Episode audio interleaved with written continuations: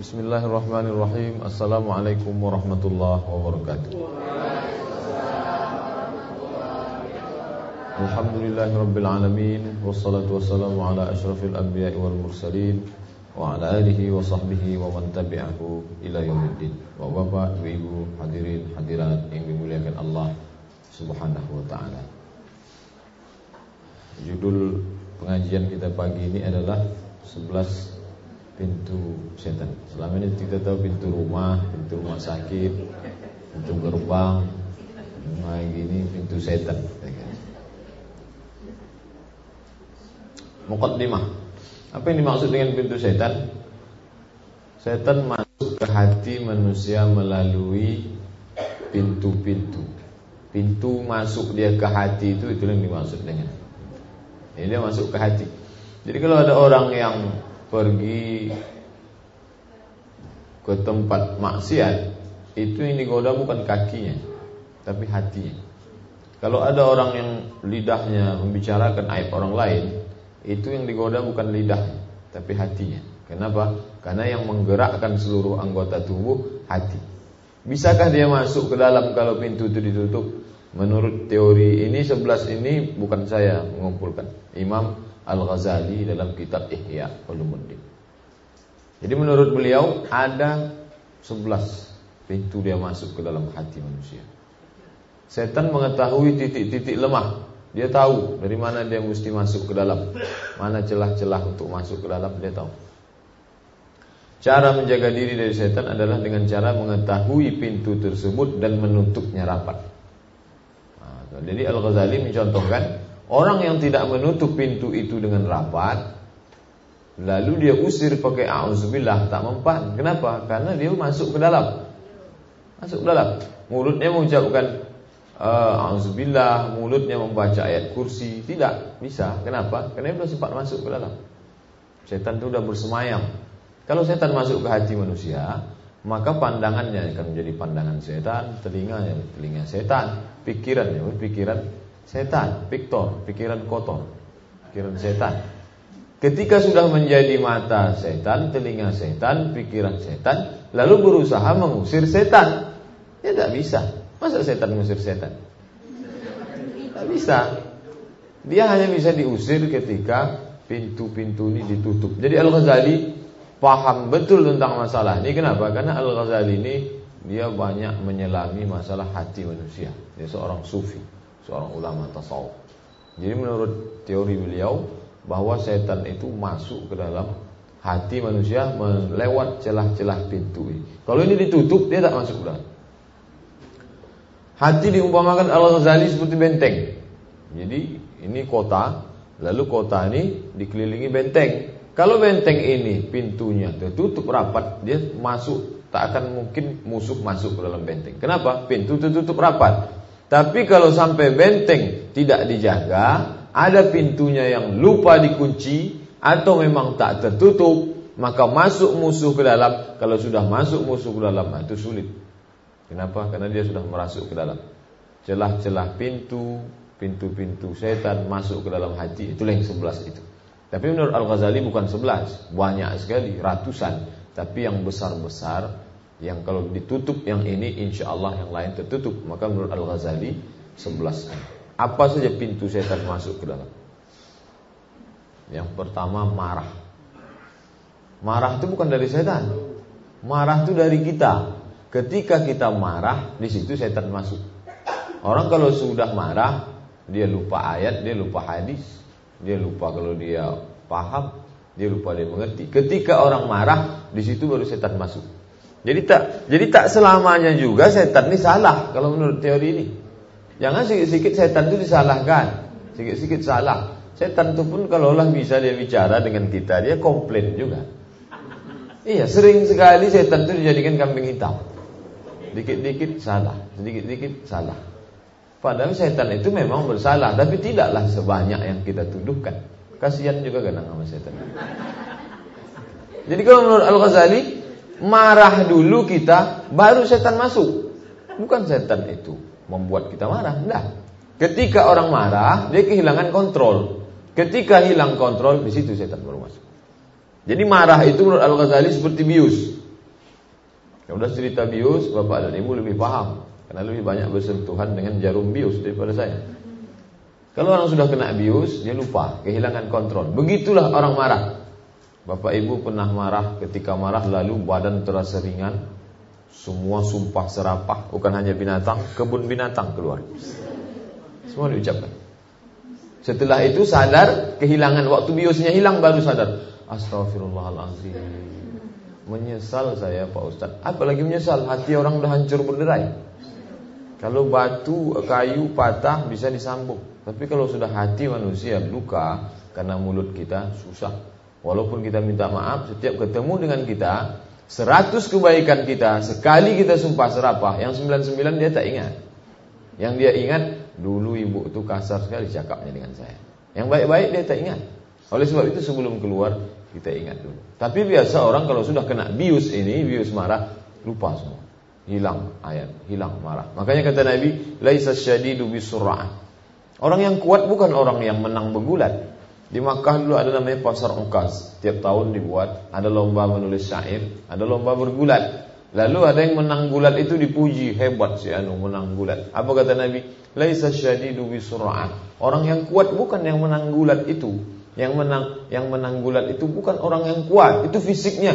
Orang yang kuat kata Nabi man yamlik nafsahu indal ghadab. Orang yang mampu mengendalikan dirinya waktu marah. Kenapa? Karena ketika marah dia mampu mengendalikan dirinya, dia mampu melawan setan. Melawan pegulat mudah, tapi melawan setan itu banyak orang yang tak mampu. Mengapa Nabi katakan orang yang mampu menahan marah dia paling kuat, kalah pegulat? Karena ketika itu dia mampu melawan setan. Oleh sebab itu jangan sampai kita marah. Ketika kita marah, situ setan masuk. Makanya dalam hadis diajarkan kalau kita marah sedang berdiri suruh duduk. Kalau kita sedang marah cepat berwudu. Datang sudah mulai mau marah, wudu. Dan kita hindari sebab-sebab yang membuat kita marah. Nah, kita sadar bahwa diri kita pemarah. Lalu kita apa sebab saya marah? Saya biasa kalau mengajar tatap muka pertama saya sampaikan. Saya minta kerjasama, kita akan ada 16 tetap muka, potong pertemuan pertama, potong mid semester, potong akhir semester. Kalau kalian sedang tak mood, jangan masuk kelas. Kalau terlambat 15 menit, tak usah masuk. Saya tak pernah marah. Oleh sebab itu, jangan. Kalau udah empat kali tak, tak datang, tak usah masuk ujian. Tahun depan kan masih ada lagi. Jadi di awal kita udah antisipasi. Kita kasih tahu apa yang membuat kita marah. Ketika marah itu datang, langsung kita ingat. Faida fa'alu fahishatan ketika orang melakukan perbuatan maksiat, marah bagian dari perbuatan itu, zakarullah langsung ingat Allah. Astagfirullahaladzim. Astagfirullah itu untuk mengerem. Jangan rem diinjak, gas diinjak juga. Seringkali kita salah. Astagfirullahnya jalan, sumpah serapahnya jalan. Tidak, kalau kita marah, maka kita istighfar, kita berwudu, dipadamkan api gejolak marah yang kata Nabi dari jilatan api neraka. Maka dipadamkan dia dengan wudu, kita berwudu.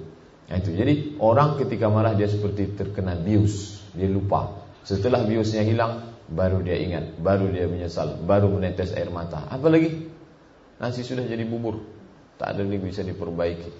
Nah, oleh sebab itu, sebelum marah kita kenali diri kita.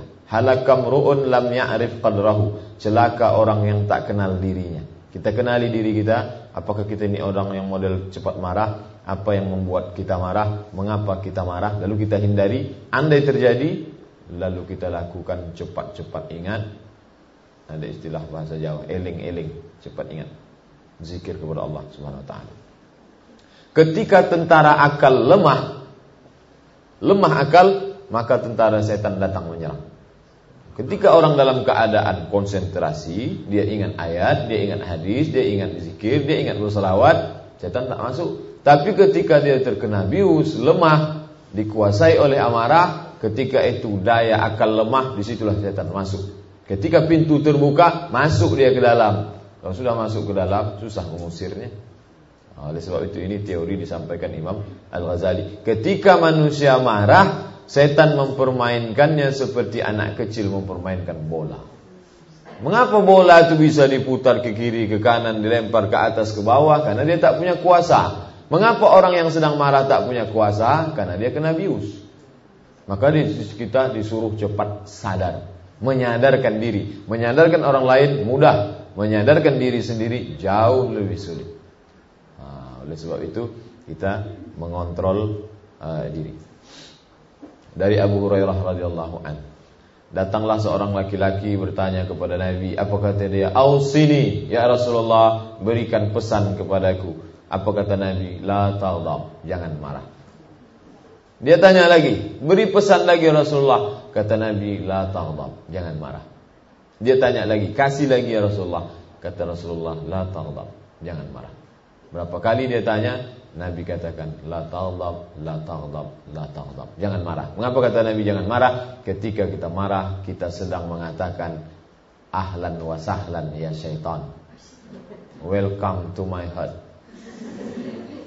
I am coming kata syaitan. Oleh sebab itu, kita kenali diri, hindari marah. Andai pun marah, langsung cepat ingat. Zakarullah fastaghfiru lidzunubihim. Minta perlindungan. A'udzubillahi minasyaitonir. A'udzubillahi Dari Abu Hurairah radhiyallahu anhu. Apa kata Nabi? Laisa syadidu. Orang yang kuat bukan yang menang bergulat. Wa innamas syadidu alladhi yamliku nafsahu 'indal ghadab. Orang yang kuat, orang yang sanggup mengendalikan dirinya ketika dia marah. Artinya apa? Marah itu ada dalam diri manusia. Siapa pun dia ada marah. Bedanya apa? Bedanya ada yang mengendalikan marah, ada yang dikendalikan oleh amarah. Jadi marah bukan dari syaitan. Marah dari diri sendiri. Menurut Al-Ghazali, lewat marah itulah syaitan masuk ke dalam hati manusia. Tapi jangan pula terlalu melo. Habis mendengar pengajian ini langsung tak marah-marah.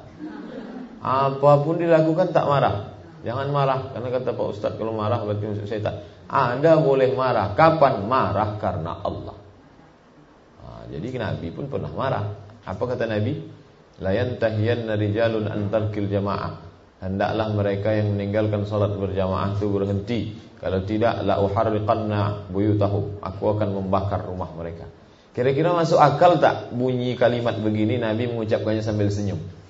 Aku akan bakar rumah mereka. Tak mungkin. Aku akan bakar rumah mereka. Marah. Ini ungkapan marah. Lo katanya jangan marah. Marahnya karena Allah. Marah bukan karena orang itu, tapi karena perbuatannya meninggalkan sholat berjamaah. Oleh sebab itu, tengok marah. Tak sholat berjamaah, Nabi marah. Tapi ada orang Arab Badui yang buang air kecil dalam masjid, Nabi tak marah. Kok tak marah? Kenapa yang sholat berjamaah mereka tak lakukan Nabi marah? Karena mereka tahu Orang Arab Badui tadi Nabi tak marah. Kenapa? Karena memang dia tak tahu. Orang yang tak tahu dimaafkan. Seringkali kita marah bukan karena Allah. Marah karena kemauan kita sendiri.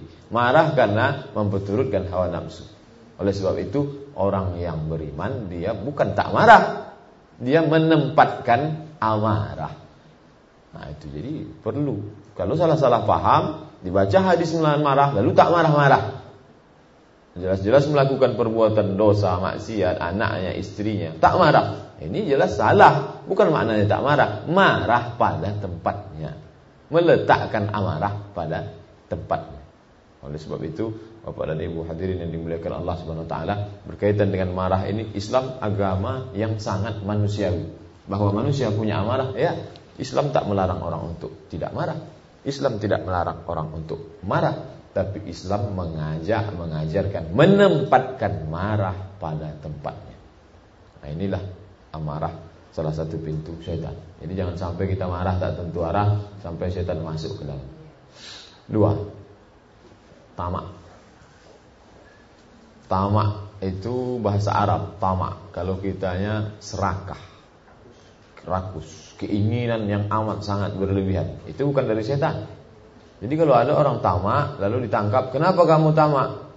Ini saya digoda setan. Oh, setan itu marah juga setan. Saya enggak kata setan.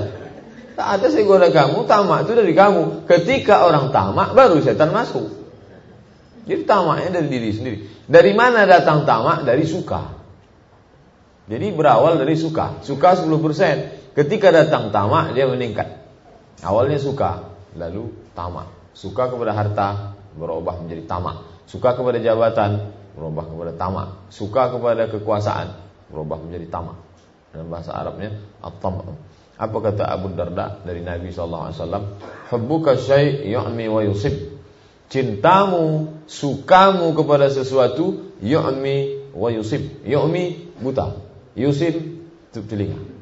Kalau suka pada sesuatu maka buta dan tuli. Makanya orang barat menyebut love is blind. Cinta itu buta. Tapi dalam hadis Nabi cinta tak buta. Cinta membuat buta.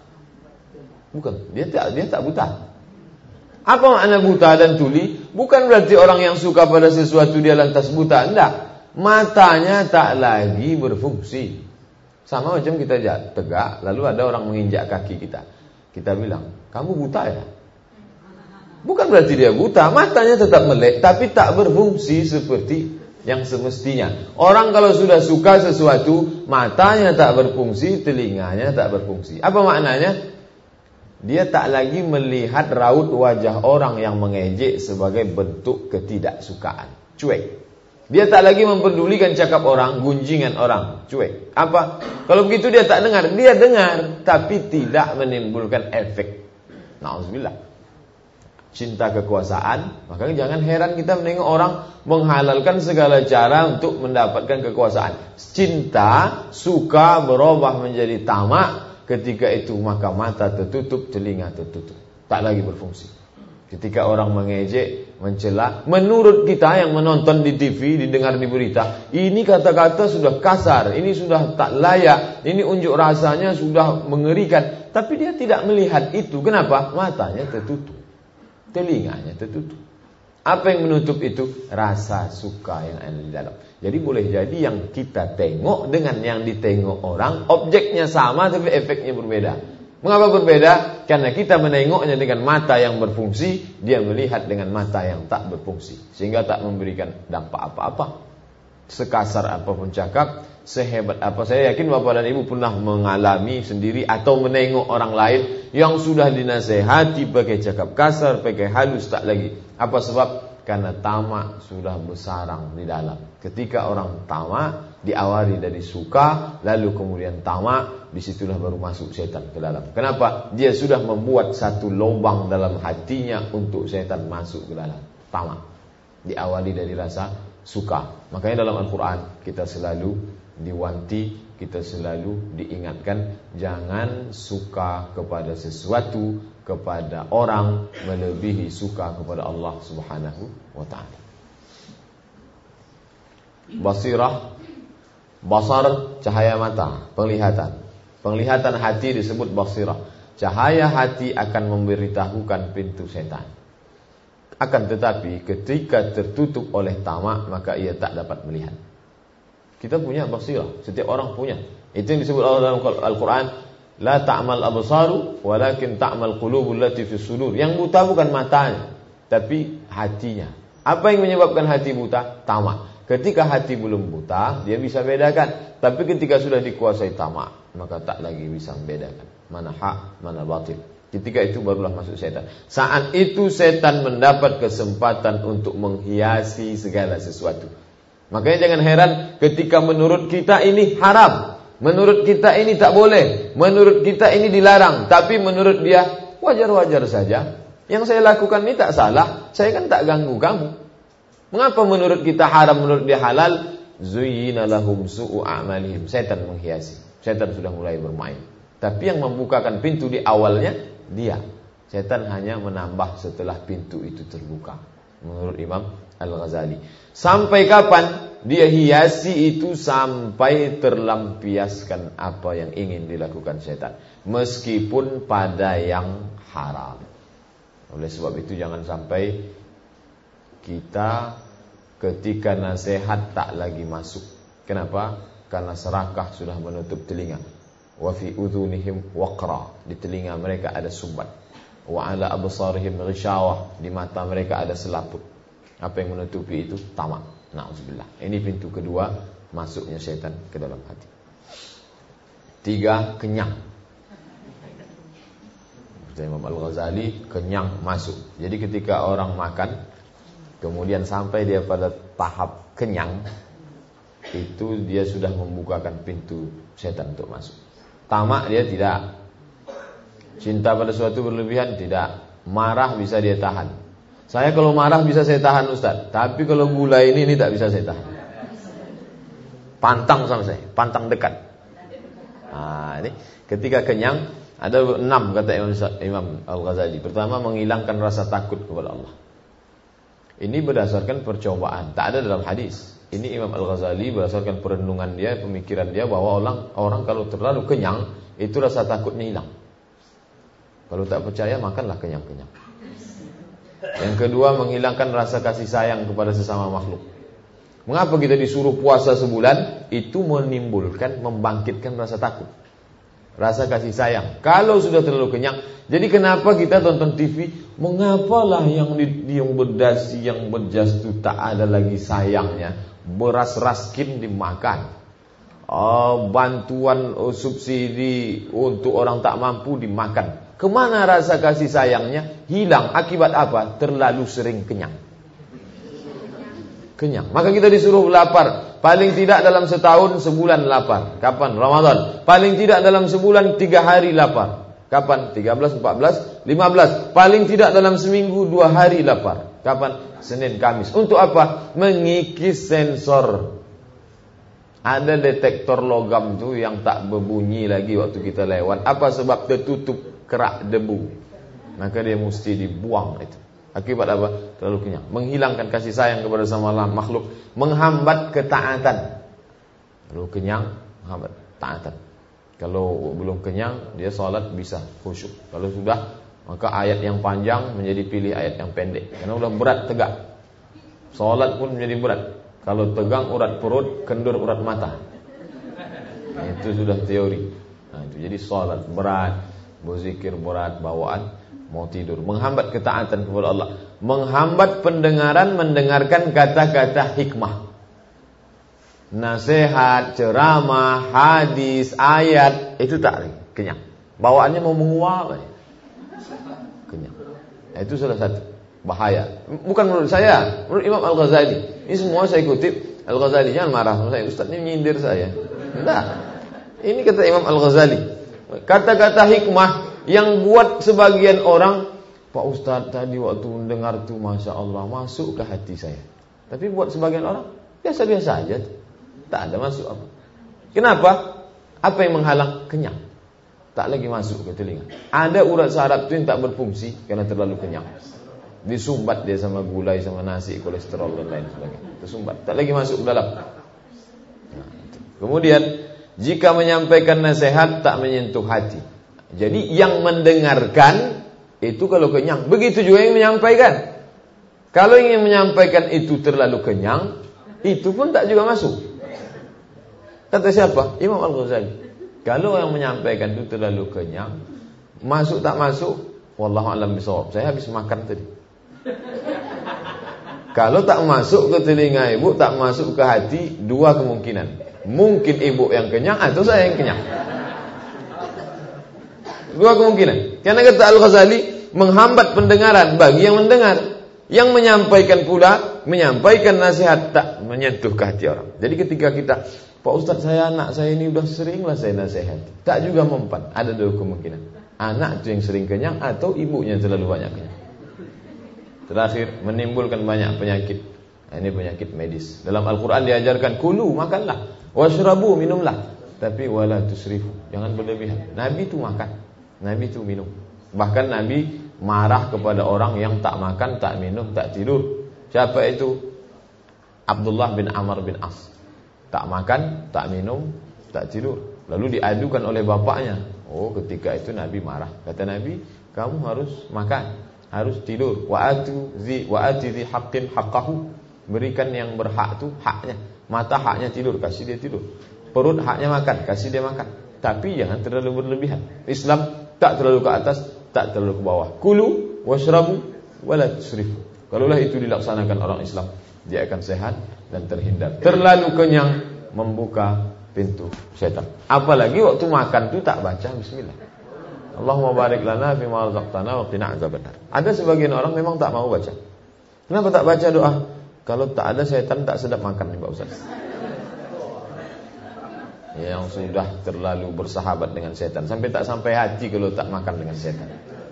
Nah, jadi kalau sudah makan ya tak minta perlindungan kepada Allah dari gangguan setan, lalu kemudian sesudah kenyang menyediakan setan untuk masuk. Nauzubillah. Ya, oleh sebab itu ini pendapat Imam Al-Ghazali seorang ulama besar, seorang ahli dalam bidang masalah hati. Kita ikut ijtihad dia ini tentunya berdasarkan percobaan beliau. Kenyang.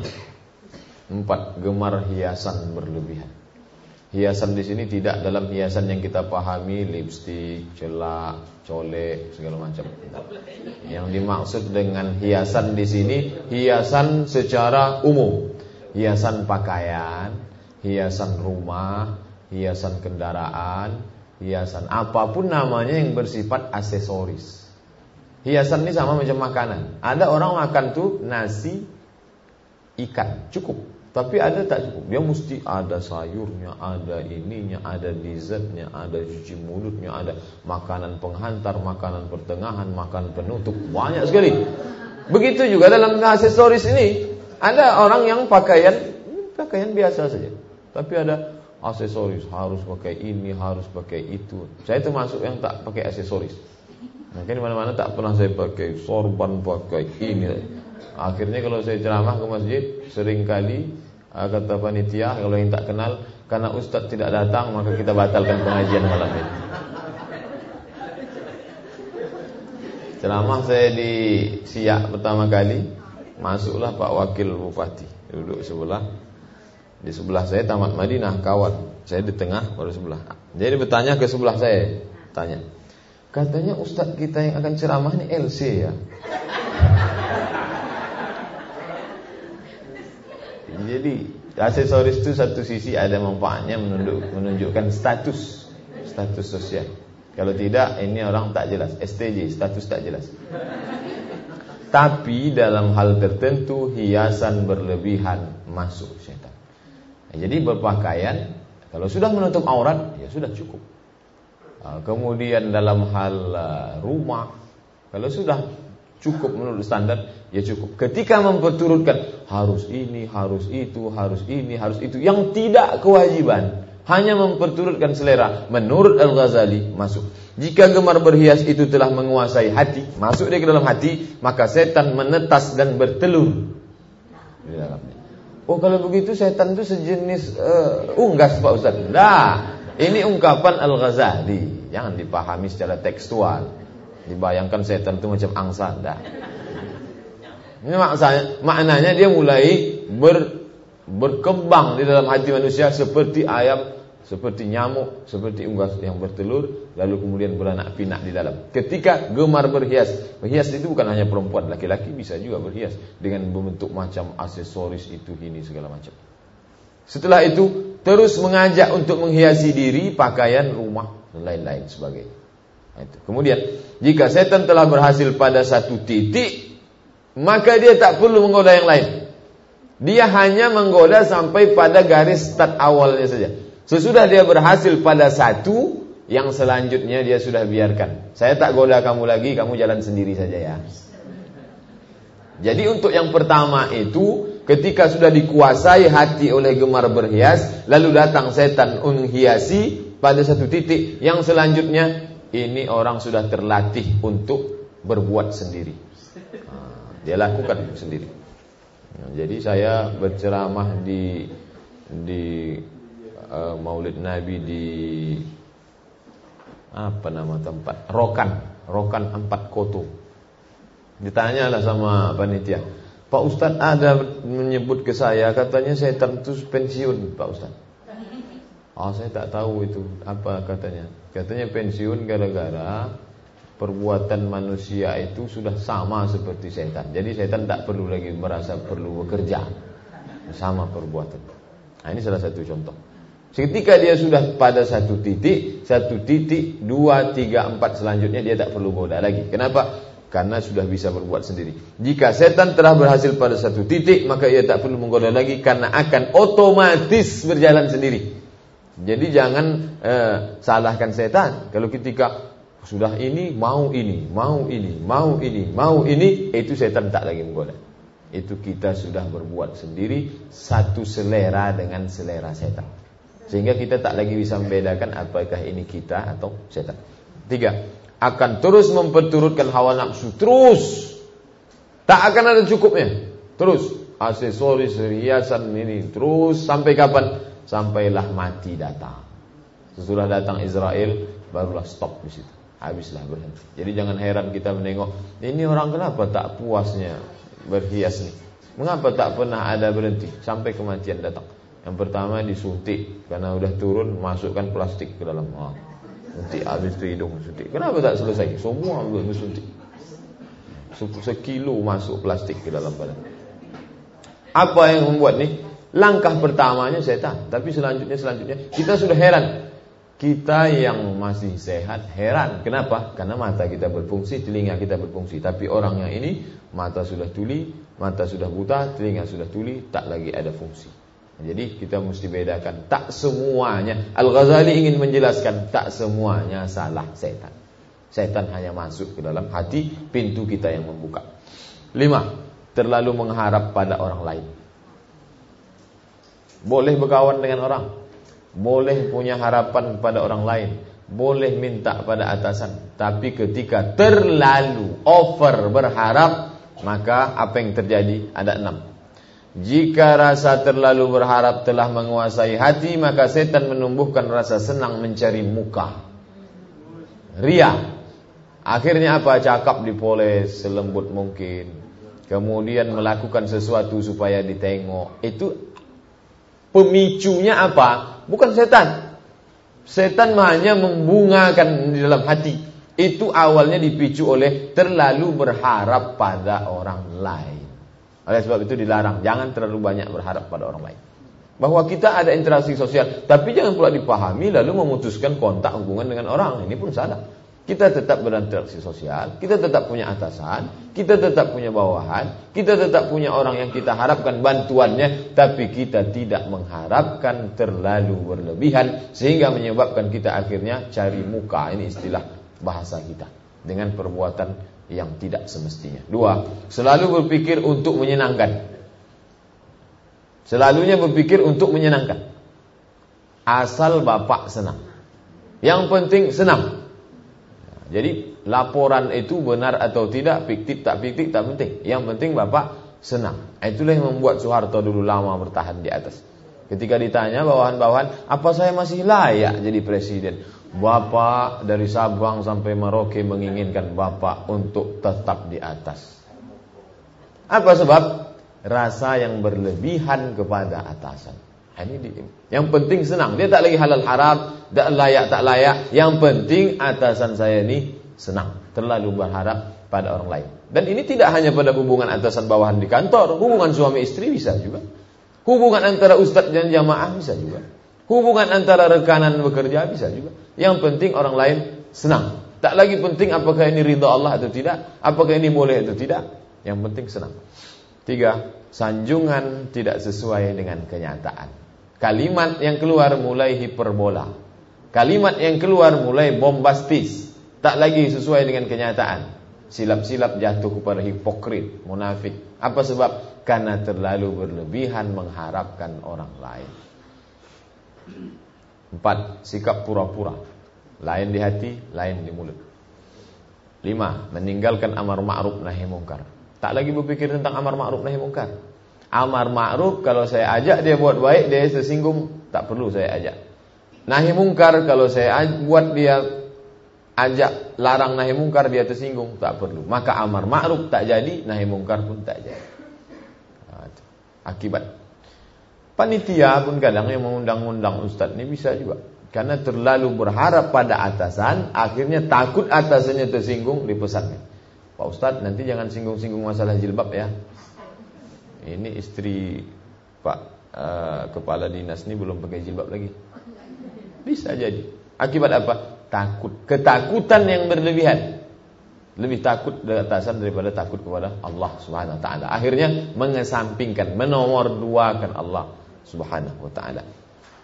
Keenam, sampai pada tingkat seolah-olah sembahannya lebih takut kepada yang dituju itu daripada Allah Subhanahu wa taala.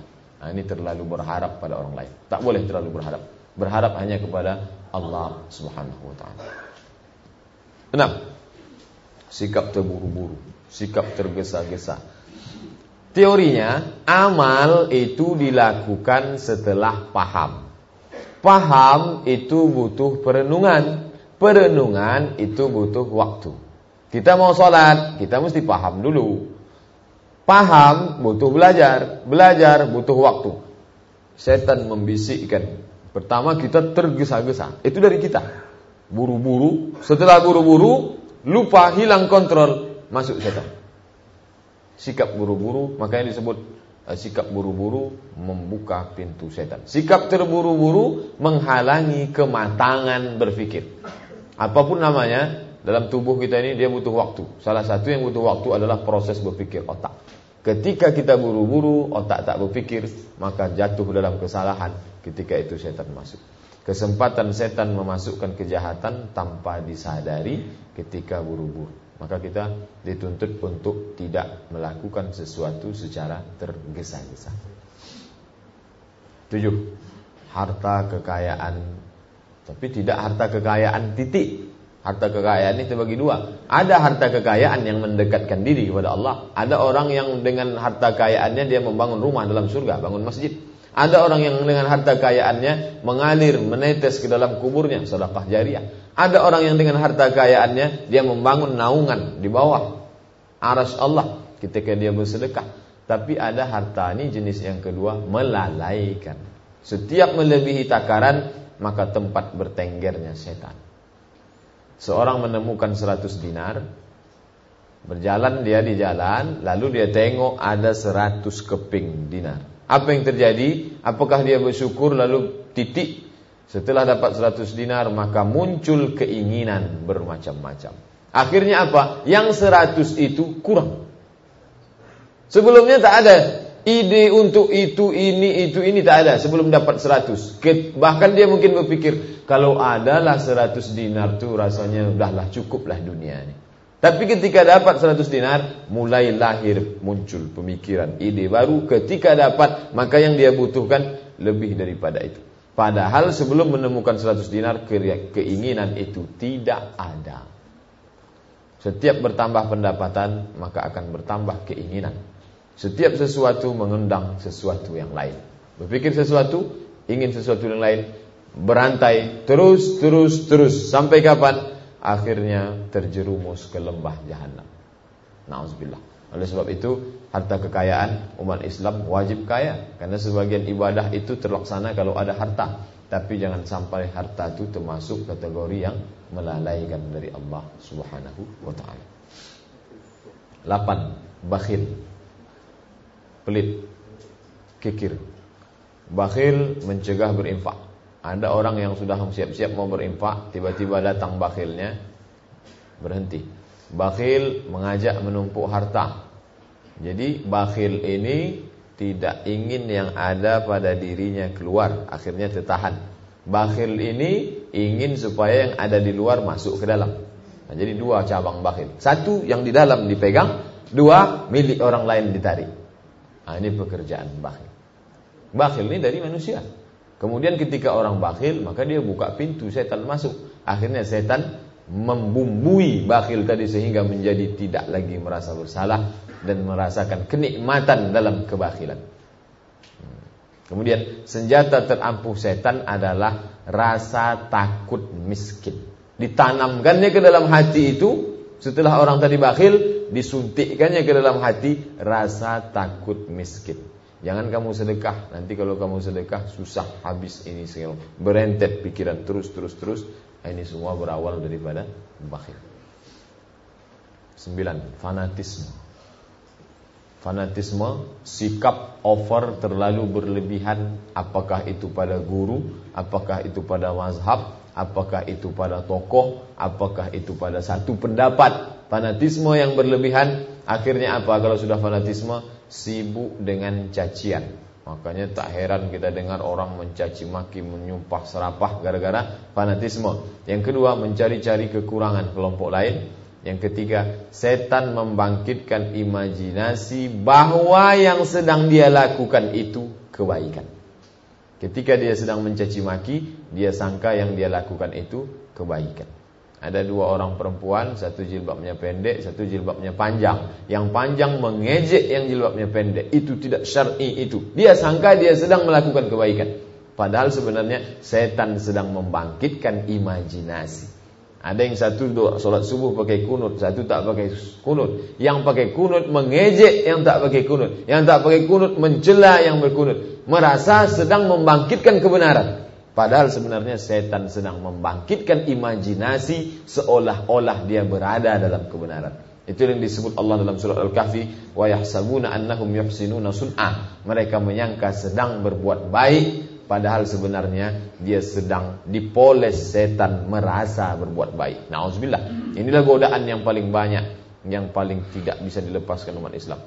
Kalau godaan minum khamar, orang tahu. Orang yang minum khamar tahu bahwa ketika minum itu dia salah. Orang yang berzina tahu bahwa ketika berzina itu dia salah. Tapi ketika orang melakukan ibadah, dia sangka ibadah itu baik, ternyata ibadah itu hanya imajinasi setan, dianggap baik padahal tidak baik. Nah, itu yang kita sulit membedakan. Oleh sebab itu kita mesti menghilangkan diri dari fanatisme. Salah satu cara menghilangkan diri fanatisme ilmu, keyakinan, pemahaman yang benar. Sepuluh berpikir tentang zat Allah. Memikirkan hal-hal yang tak terjangkau akal. Berpikir Allah itu di mana, bentuknya bagaimana, kehidupannya bagaimana.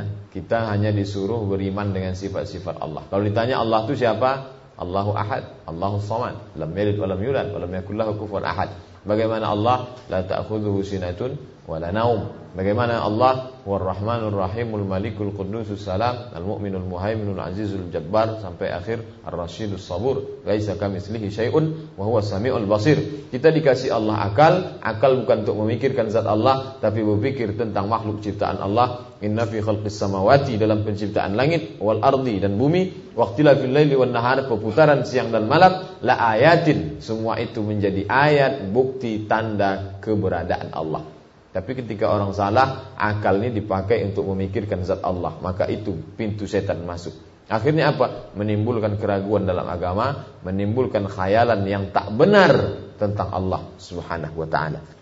Oleh sebab itu para ulama menutup pintu ijtihad mentakwilkan ayat-ayat mutasyabihat cukup mengimani sebagaimana apa adanya. Ini sebagai ahlut tafwid. Untuk apa? Menghindari berpikir tentang zat Allah Subhanahu wa taala. Karena akal tak sanggup untuk memikirkannya. Sebelas terakhir. Suuzan kepada sesama. Suuzan datang dari kita, prasangka. Lalu kemudian ketika orang bersuuzan, terbuka hatinya, setan masuk membumbui suuzan. Jadi jangan heran ketika suuzan pertama terbuka, lalu kemudian orang menikmati suuzan, Awalnya seuzon hanya di hati, lalu berubah ke lidah, lalu tertarik berbicara, akhirnya waktu satu jam tak cukup hanya untuk berprasangka, prasangka, prasangka. Makanya di awal itu harus tutup langsung. Ya ayyuhalladzina amanu, hai orang beriman, ijtanibu katsiran minadh Jauhi prasangka. Ini ungkapan penyair. Wa ainur ridha an kulli aibin kalilah, walakin ainas sukhti tubdil masawaya. Apa maknanya? Rasa suka membuat buta terhadap semua cacat. Kebencian menampakkan semua keburukan. Kalau sudah suka Sebesar apa pun cacatnya hilang. Kalau sudah benci Sekecil apa pun aibnya tampak. Nah, Itu sudah. Itu sudah hukum alam. Itu sudah syairnya gitu. Oleh sebab itu Maka kita disuruh suka karena Allah Benci pun karena Allah. Bukan karena mengikutkan perasaan mengikutkan prasangka. Kenapa? Karena prasangka sesuatu yang tak ada kepastian di dalamnya. Apabila terapi mengusir, apakah terapi mengusir setan? Apakah cukup dengan zikir dan ucapan auzubillah? Menurut Al-Ghazali menutup pintu-pintu tersebut dan membersihkan hati dan sifat tercela. Jadi kata beliau bukan mengusirnya dengan auzubillah, bukan la ilaha illallah wal hayyul qayyum, Kalau dibukakan sebelas pintu itu masuk dia ke dalam lalu diucapkan juga auzubillah, maka mubazir. Orang mubazir saudara setan. Menurut Al-Ghazali caranya tutup pintu itu rapat, bersihkan hati, barulah mengucapkan auzubillah dan doa-doa. Apabila sifat tersebut telah dibersihkan, maka setan hanya menciptakan lintasan dalam hati. Hati bersih, pintunya terkunci, hanya ada lintasan. Terlintas suuzon, terlintas prasangka, terlintas lintasan itulah yang diusir dengan astaghfirullah. Diusir dengan Allahu la ilaha hayyul qayyum. Diusir dengan auzubillahi min hamazatis syayatin. Selama dia tidak tertutup, lalu bercampur aduk antara setan dengan zikir, akhirnya dia tak berfungsi sebagaimana mestinya. Lintasan-lintasan itu dapat diusir dengan zikir. Jadi kalau menurut Al-Ghazali bukan zikir, tapi lintasannya yang diusir oleh zikir itu hanya terjadi ketika sudah ditutup. Perumpamaan. Seorang yang berzikir tapi tetap membiarkan hatinya terbuka karena pintu-pintu sebelas pintu di atas seperti seorang yang mengusir anjing dengan bentakannya. Dia teriakkan, "Hus, pergi kamu sana." Tapi tangan kanannya memegang daging dan tulang yang busuk. Kira-kira anjing itu pergi atau tetap mengikuti? Tetap mengikuti. Ini perumpamaan Al-Ghazali. Jadi tetap mengusir. Astaghfirullah, la ilaha illallah wallahu akbar, la haula wala quwata illa billah, auzubillahi minasyaitonir rajim. Baca juga doa maksurat. Sementara tangan kanan memegang daging busuk. Oleh sebab itu perumpamaan Al-Ghazali, buang kunci, barulah ucapkan doa-doa itu. Jadi Al-Ghazali memberikan ijtihad yang baru tentang uh, hubungan interaksi antara manusia dengan setan. Itu ijtihad beliau, bisa diterima, bisa tidak, tapi saya sebagai seorang pembaca membaca pendapat-pendapat Al-Ghazali beliau memang ahli dalam bidang masalah hati dalam kitab Ihya Ulumuddin yang diakui ulama masalah tazkiyatun nafs pensucian hati itu kitab Ihya merupakan salah satu kitab yang dapat dijadikan pegangan dalam masalah. Itulah yang dapat saya sampaikan. Mudah-mudahan setelah mengetahui pintu-pintu ini kita berusaha untuk menutupnya, menguncinya, dikunci rapat-rapat, dibuang kuncinya ke laut supaya jangan terbuka sama sekali. Kemudian setelah itu barulah tinggal lintasan-lintasan yang ada, lintasan-lintasan itu baru kita usir dengan uh, istighfar, dengan zikir dan lain sebagainya. Terima kasih perhatian Bapak dan Ibu. Mudah-mudahan ada manfaatnya membuat kita lebih waspada terhadap hati, senantiasa membersihkan hati dari eh, setan dan eh, konsentrasi, muhasabah, muraqabah dan lain sebagainya. Terima kasih atas segala perhatian. Mungkin ada hal yang ingin ditanyakan berkaitan dengan ini akan kita bahas. Aku lu qauli hadza astaghfirullah li wa lakum. Wassalamualaikum warahmatullahi wabarakatuh.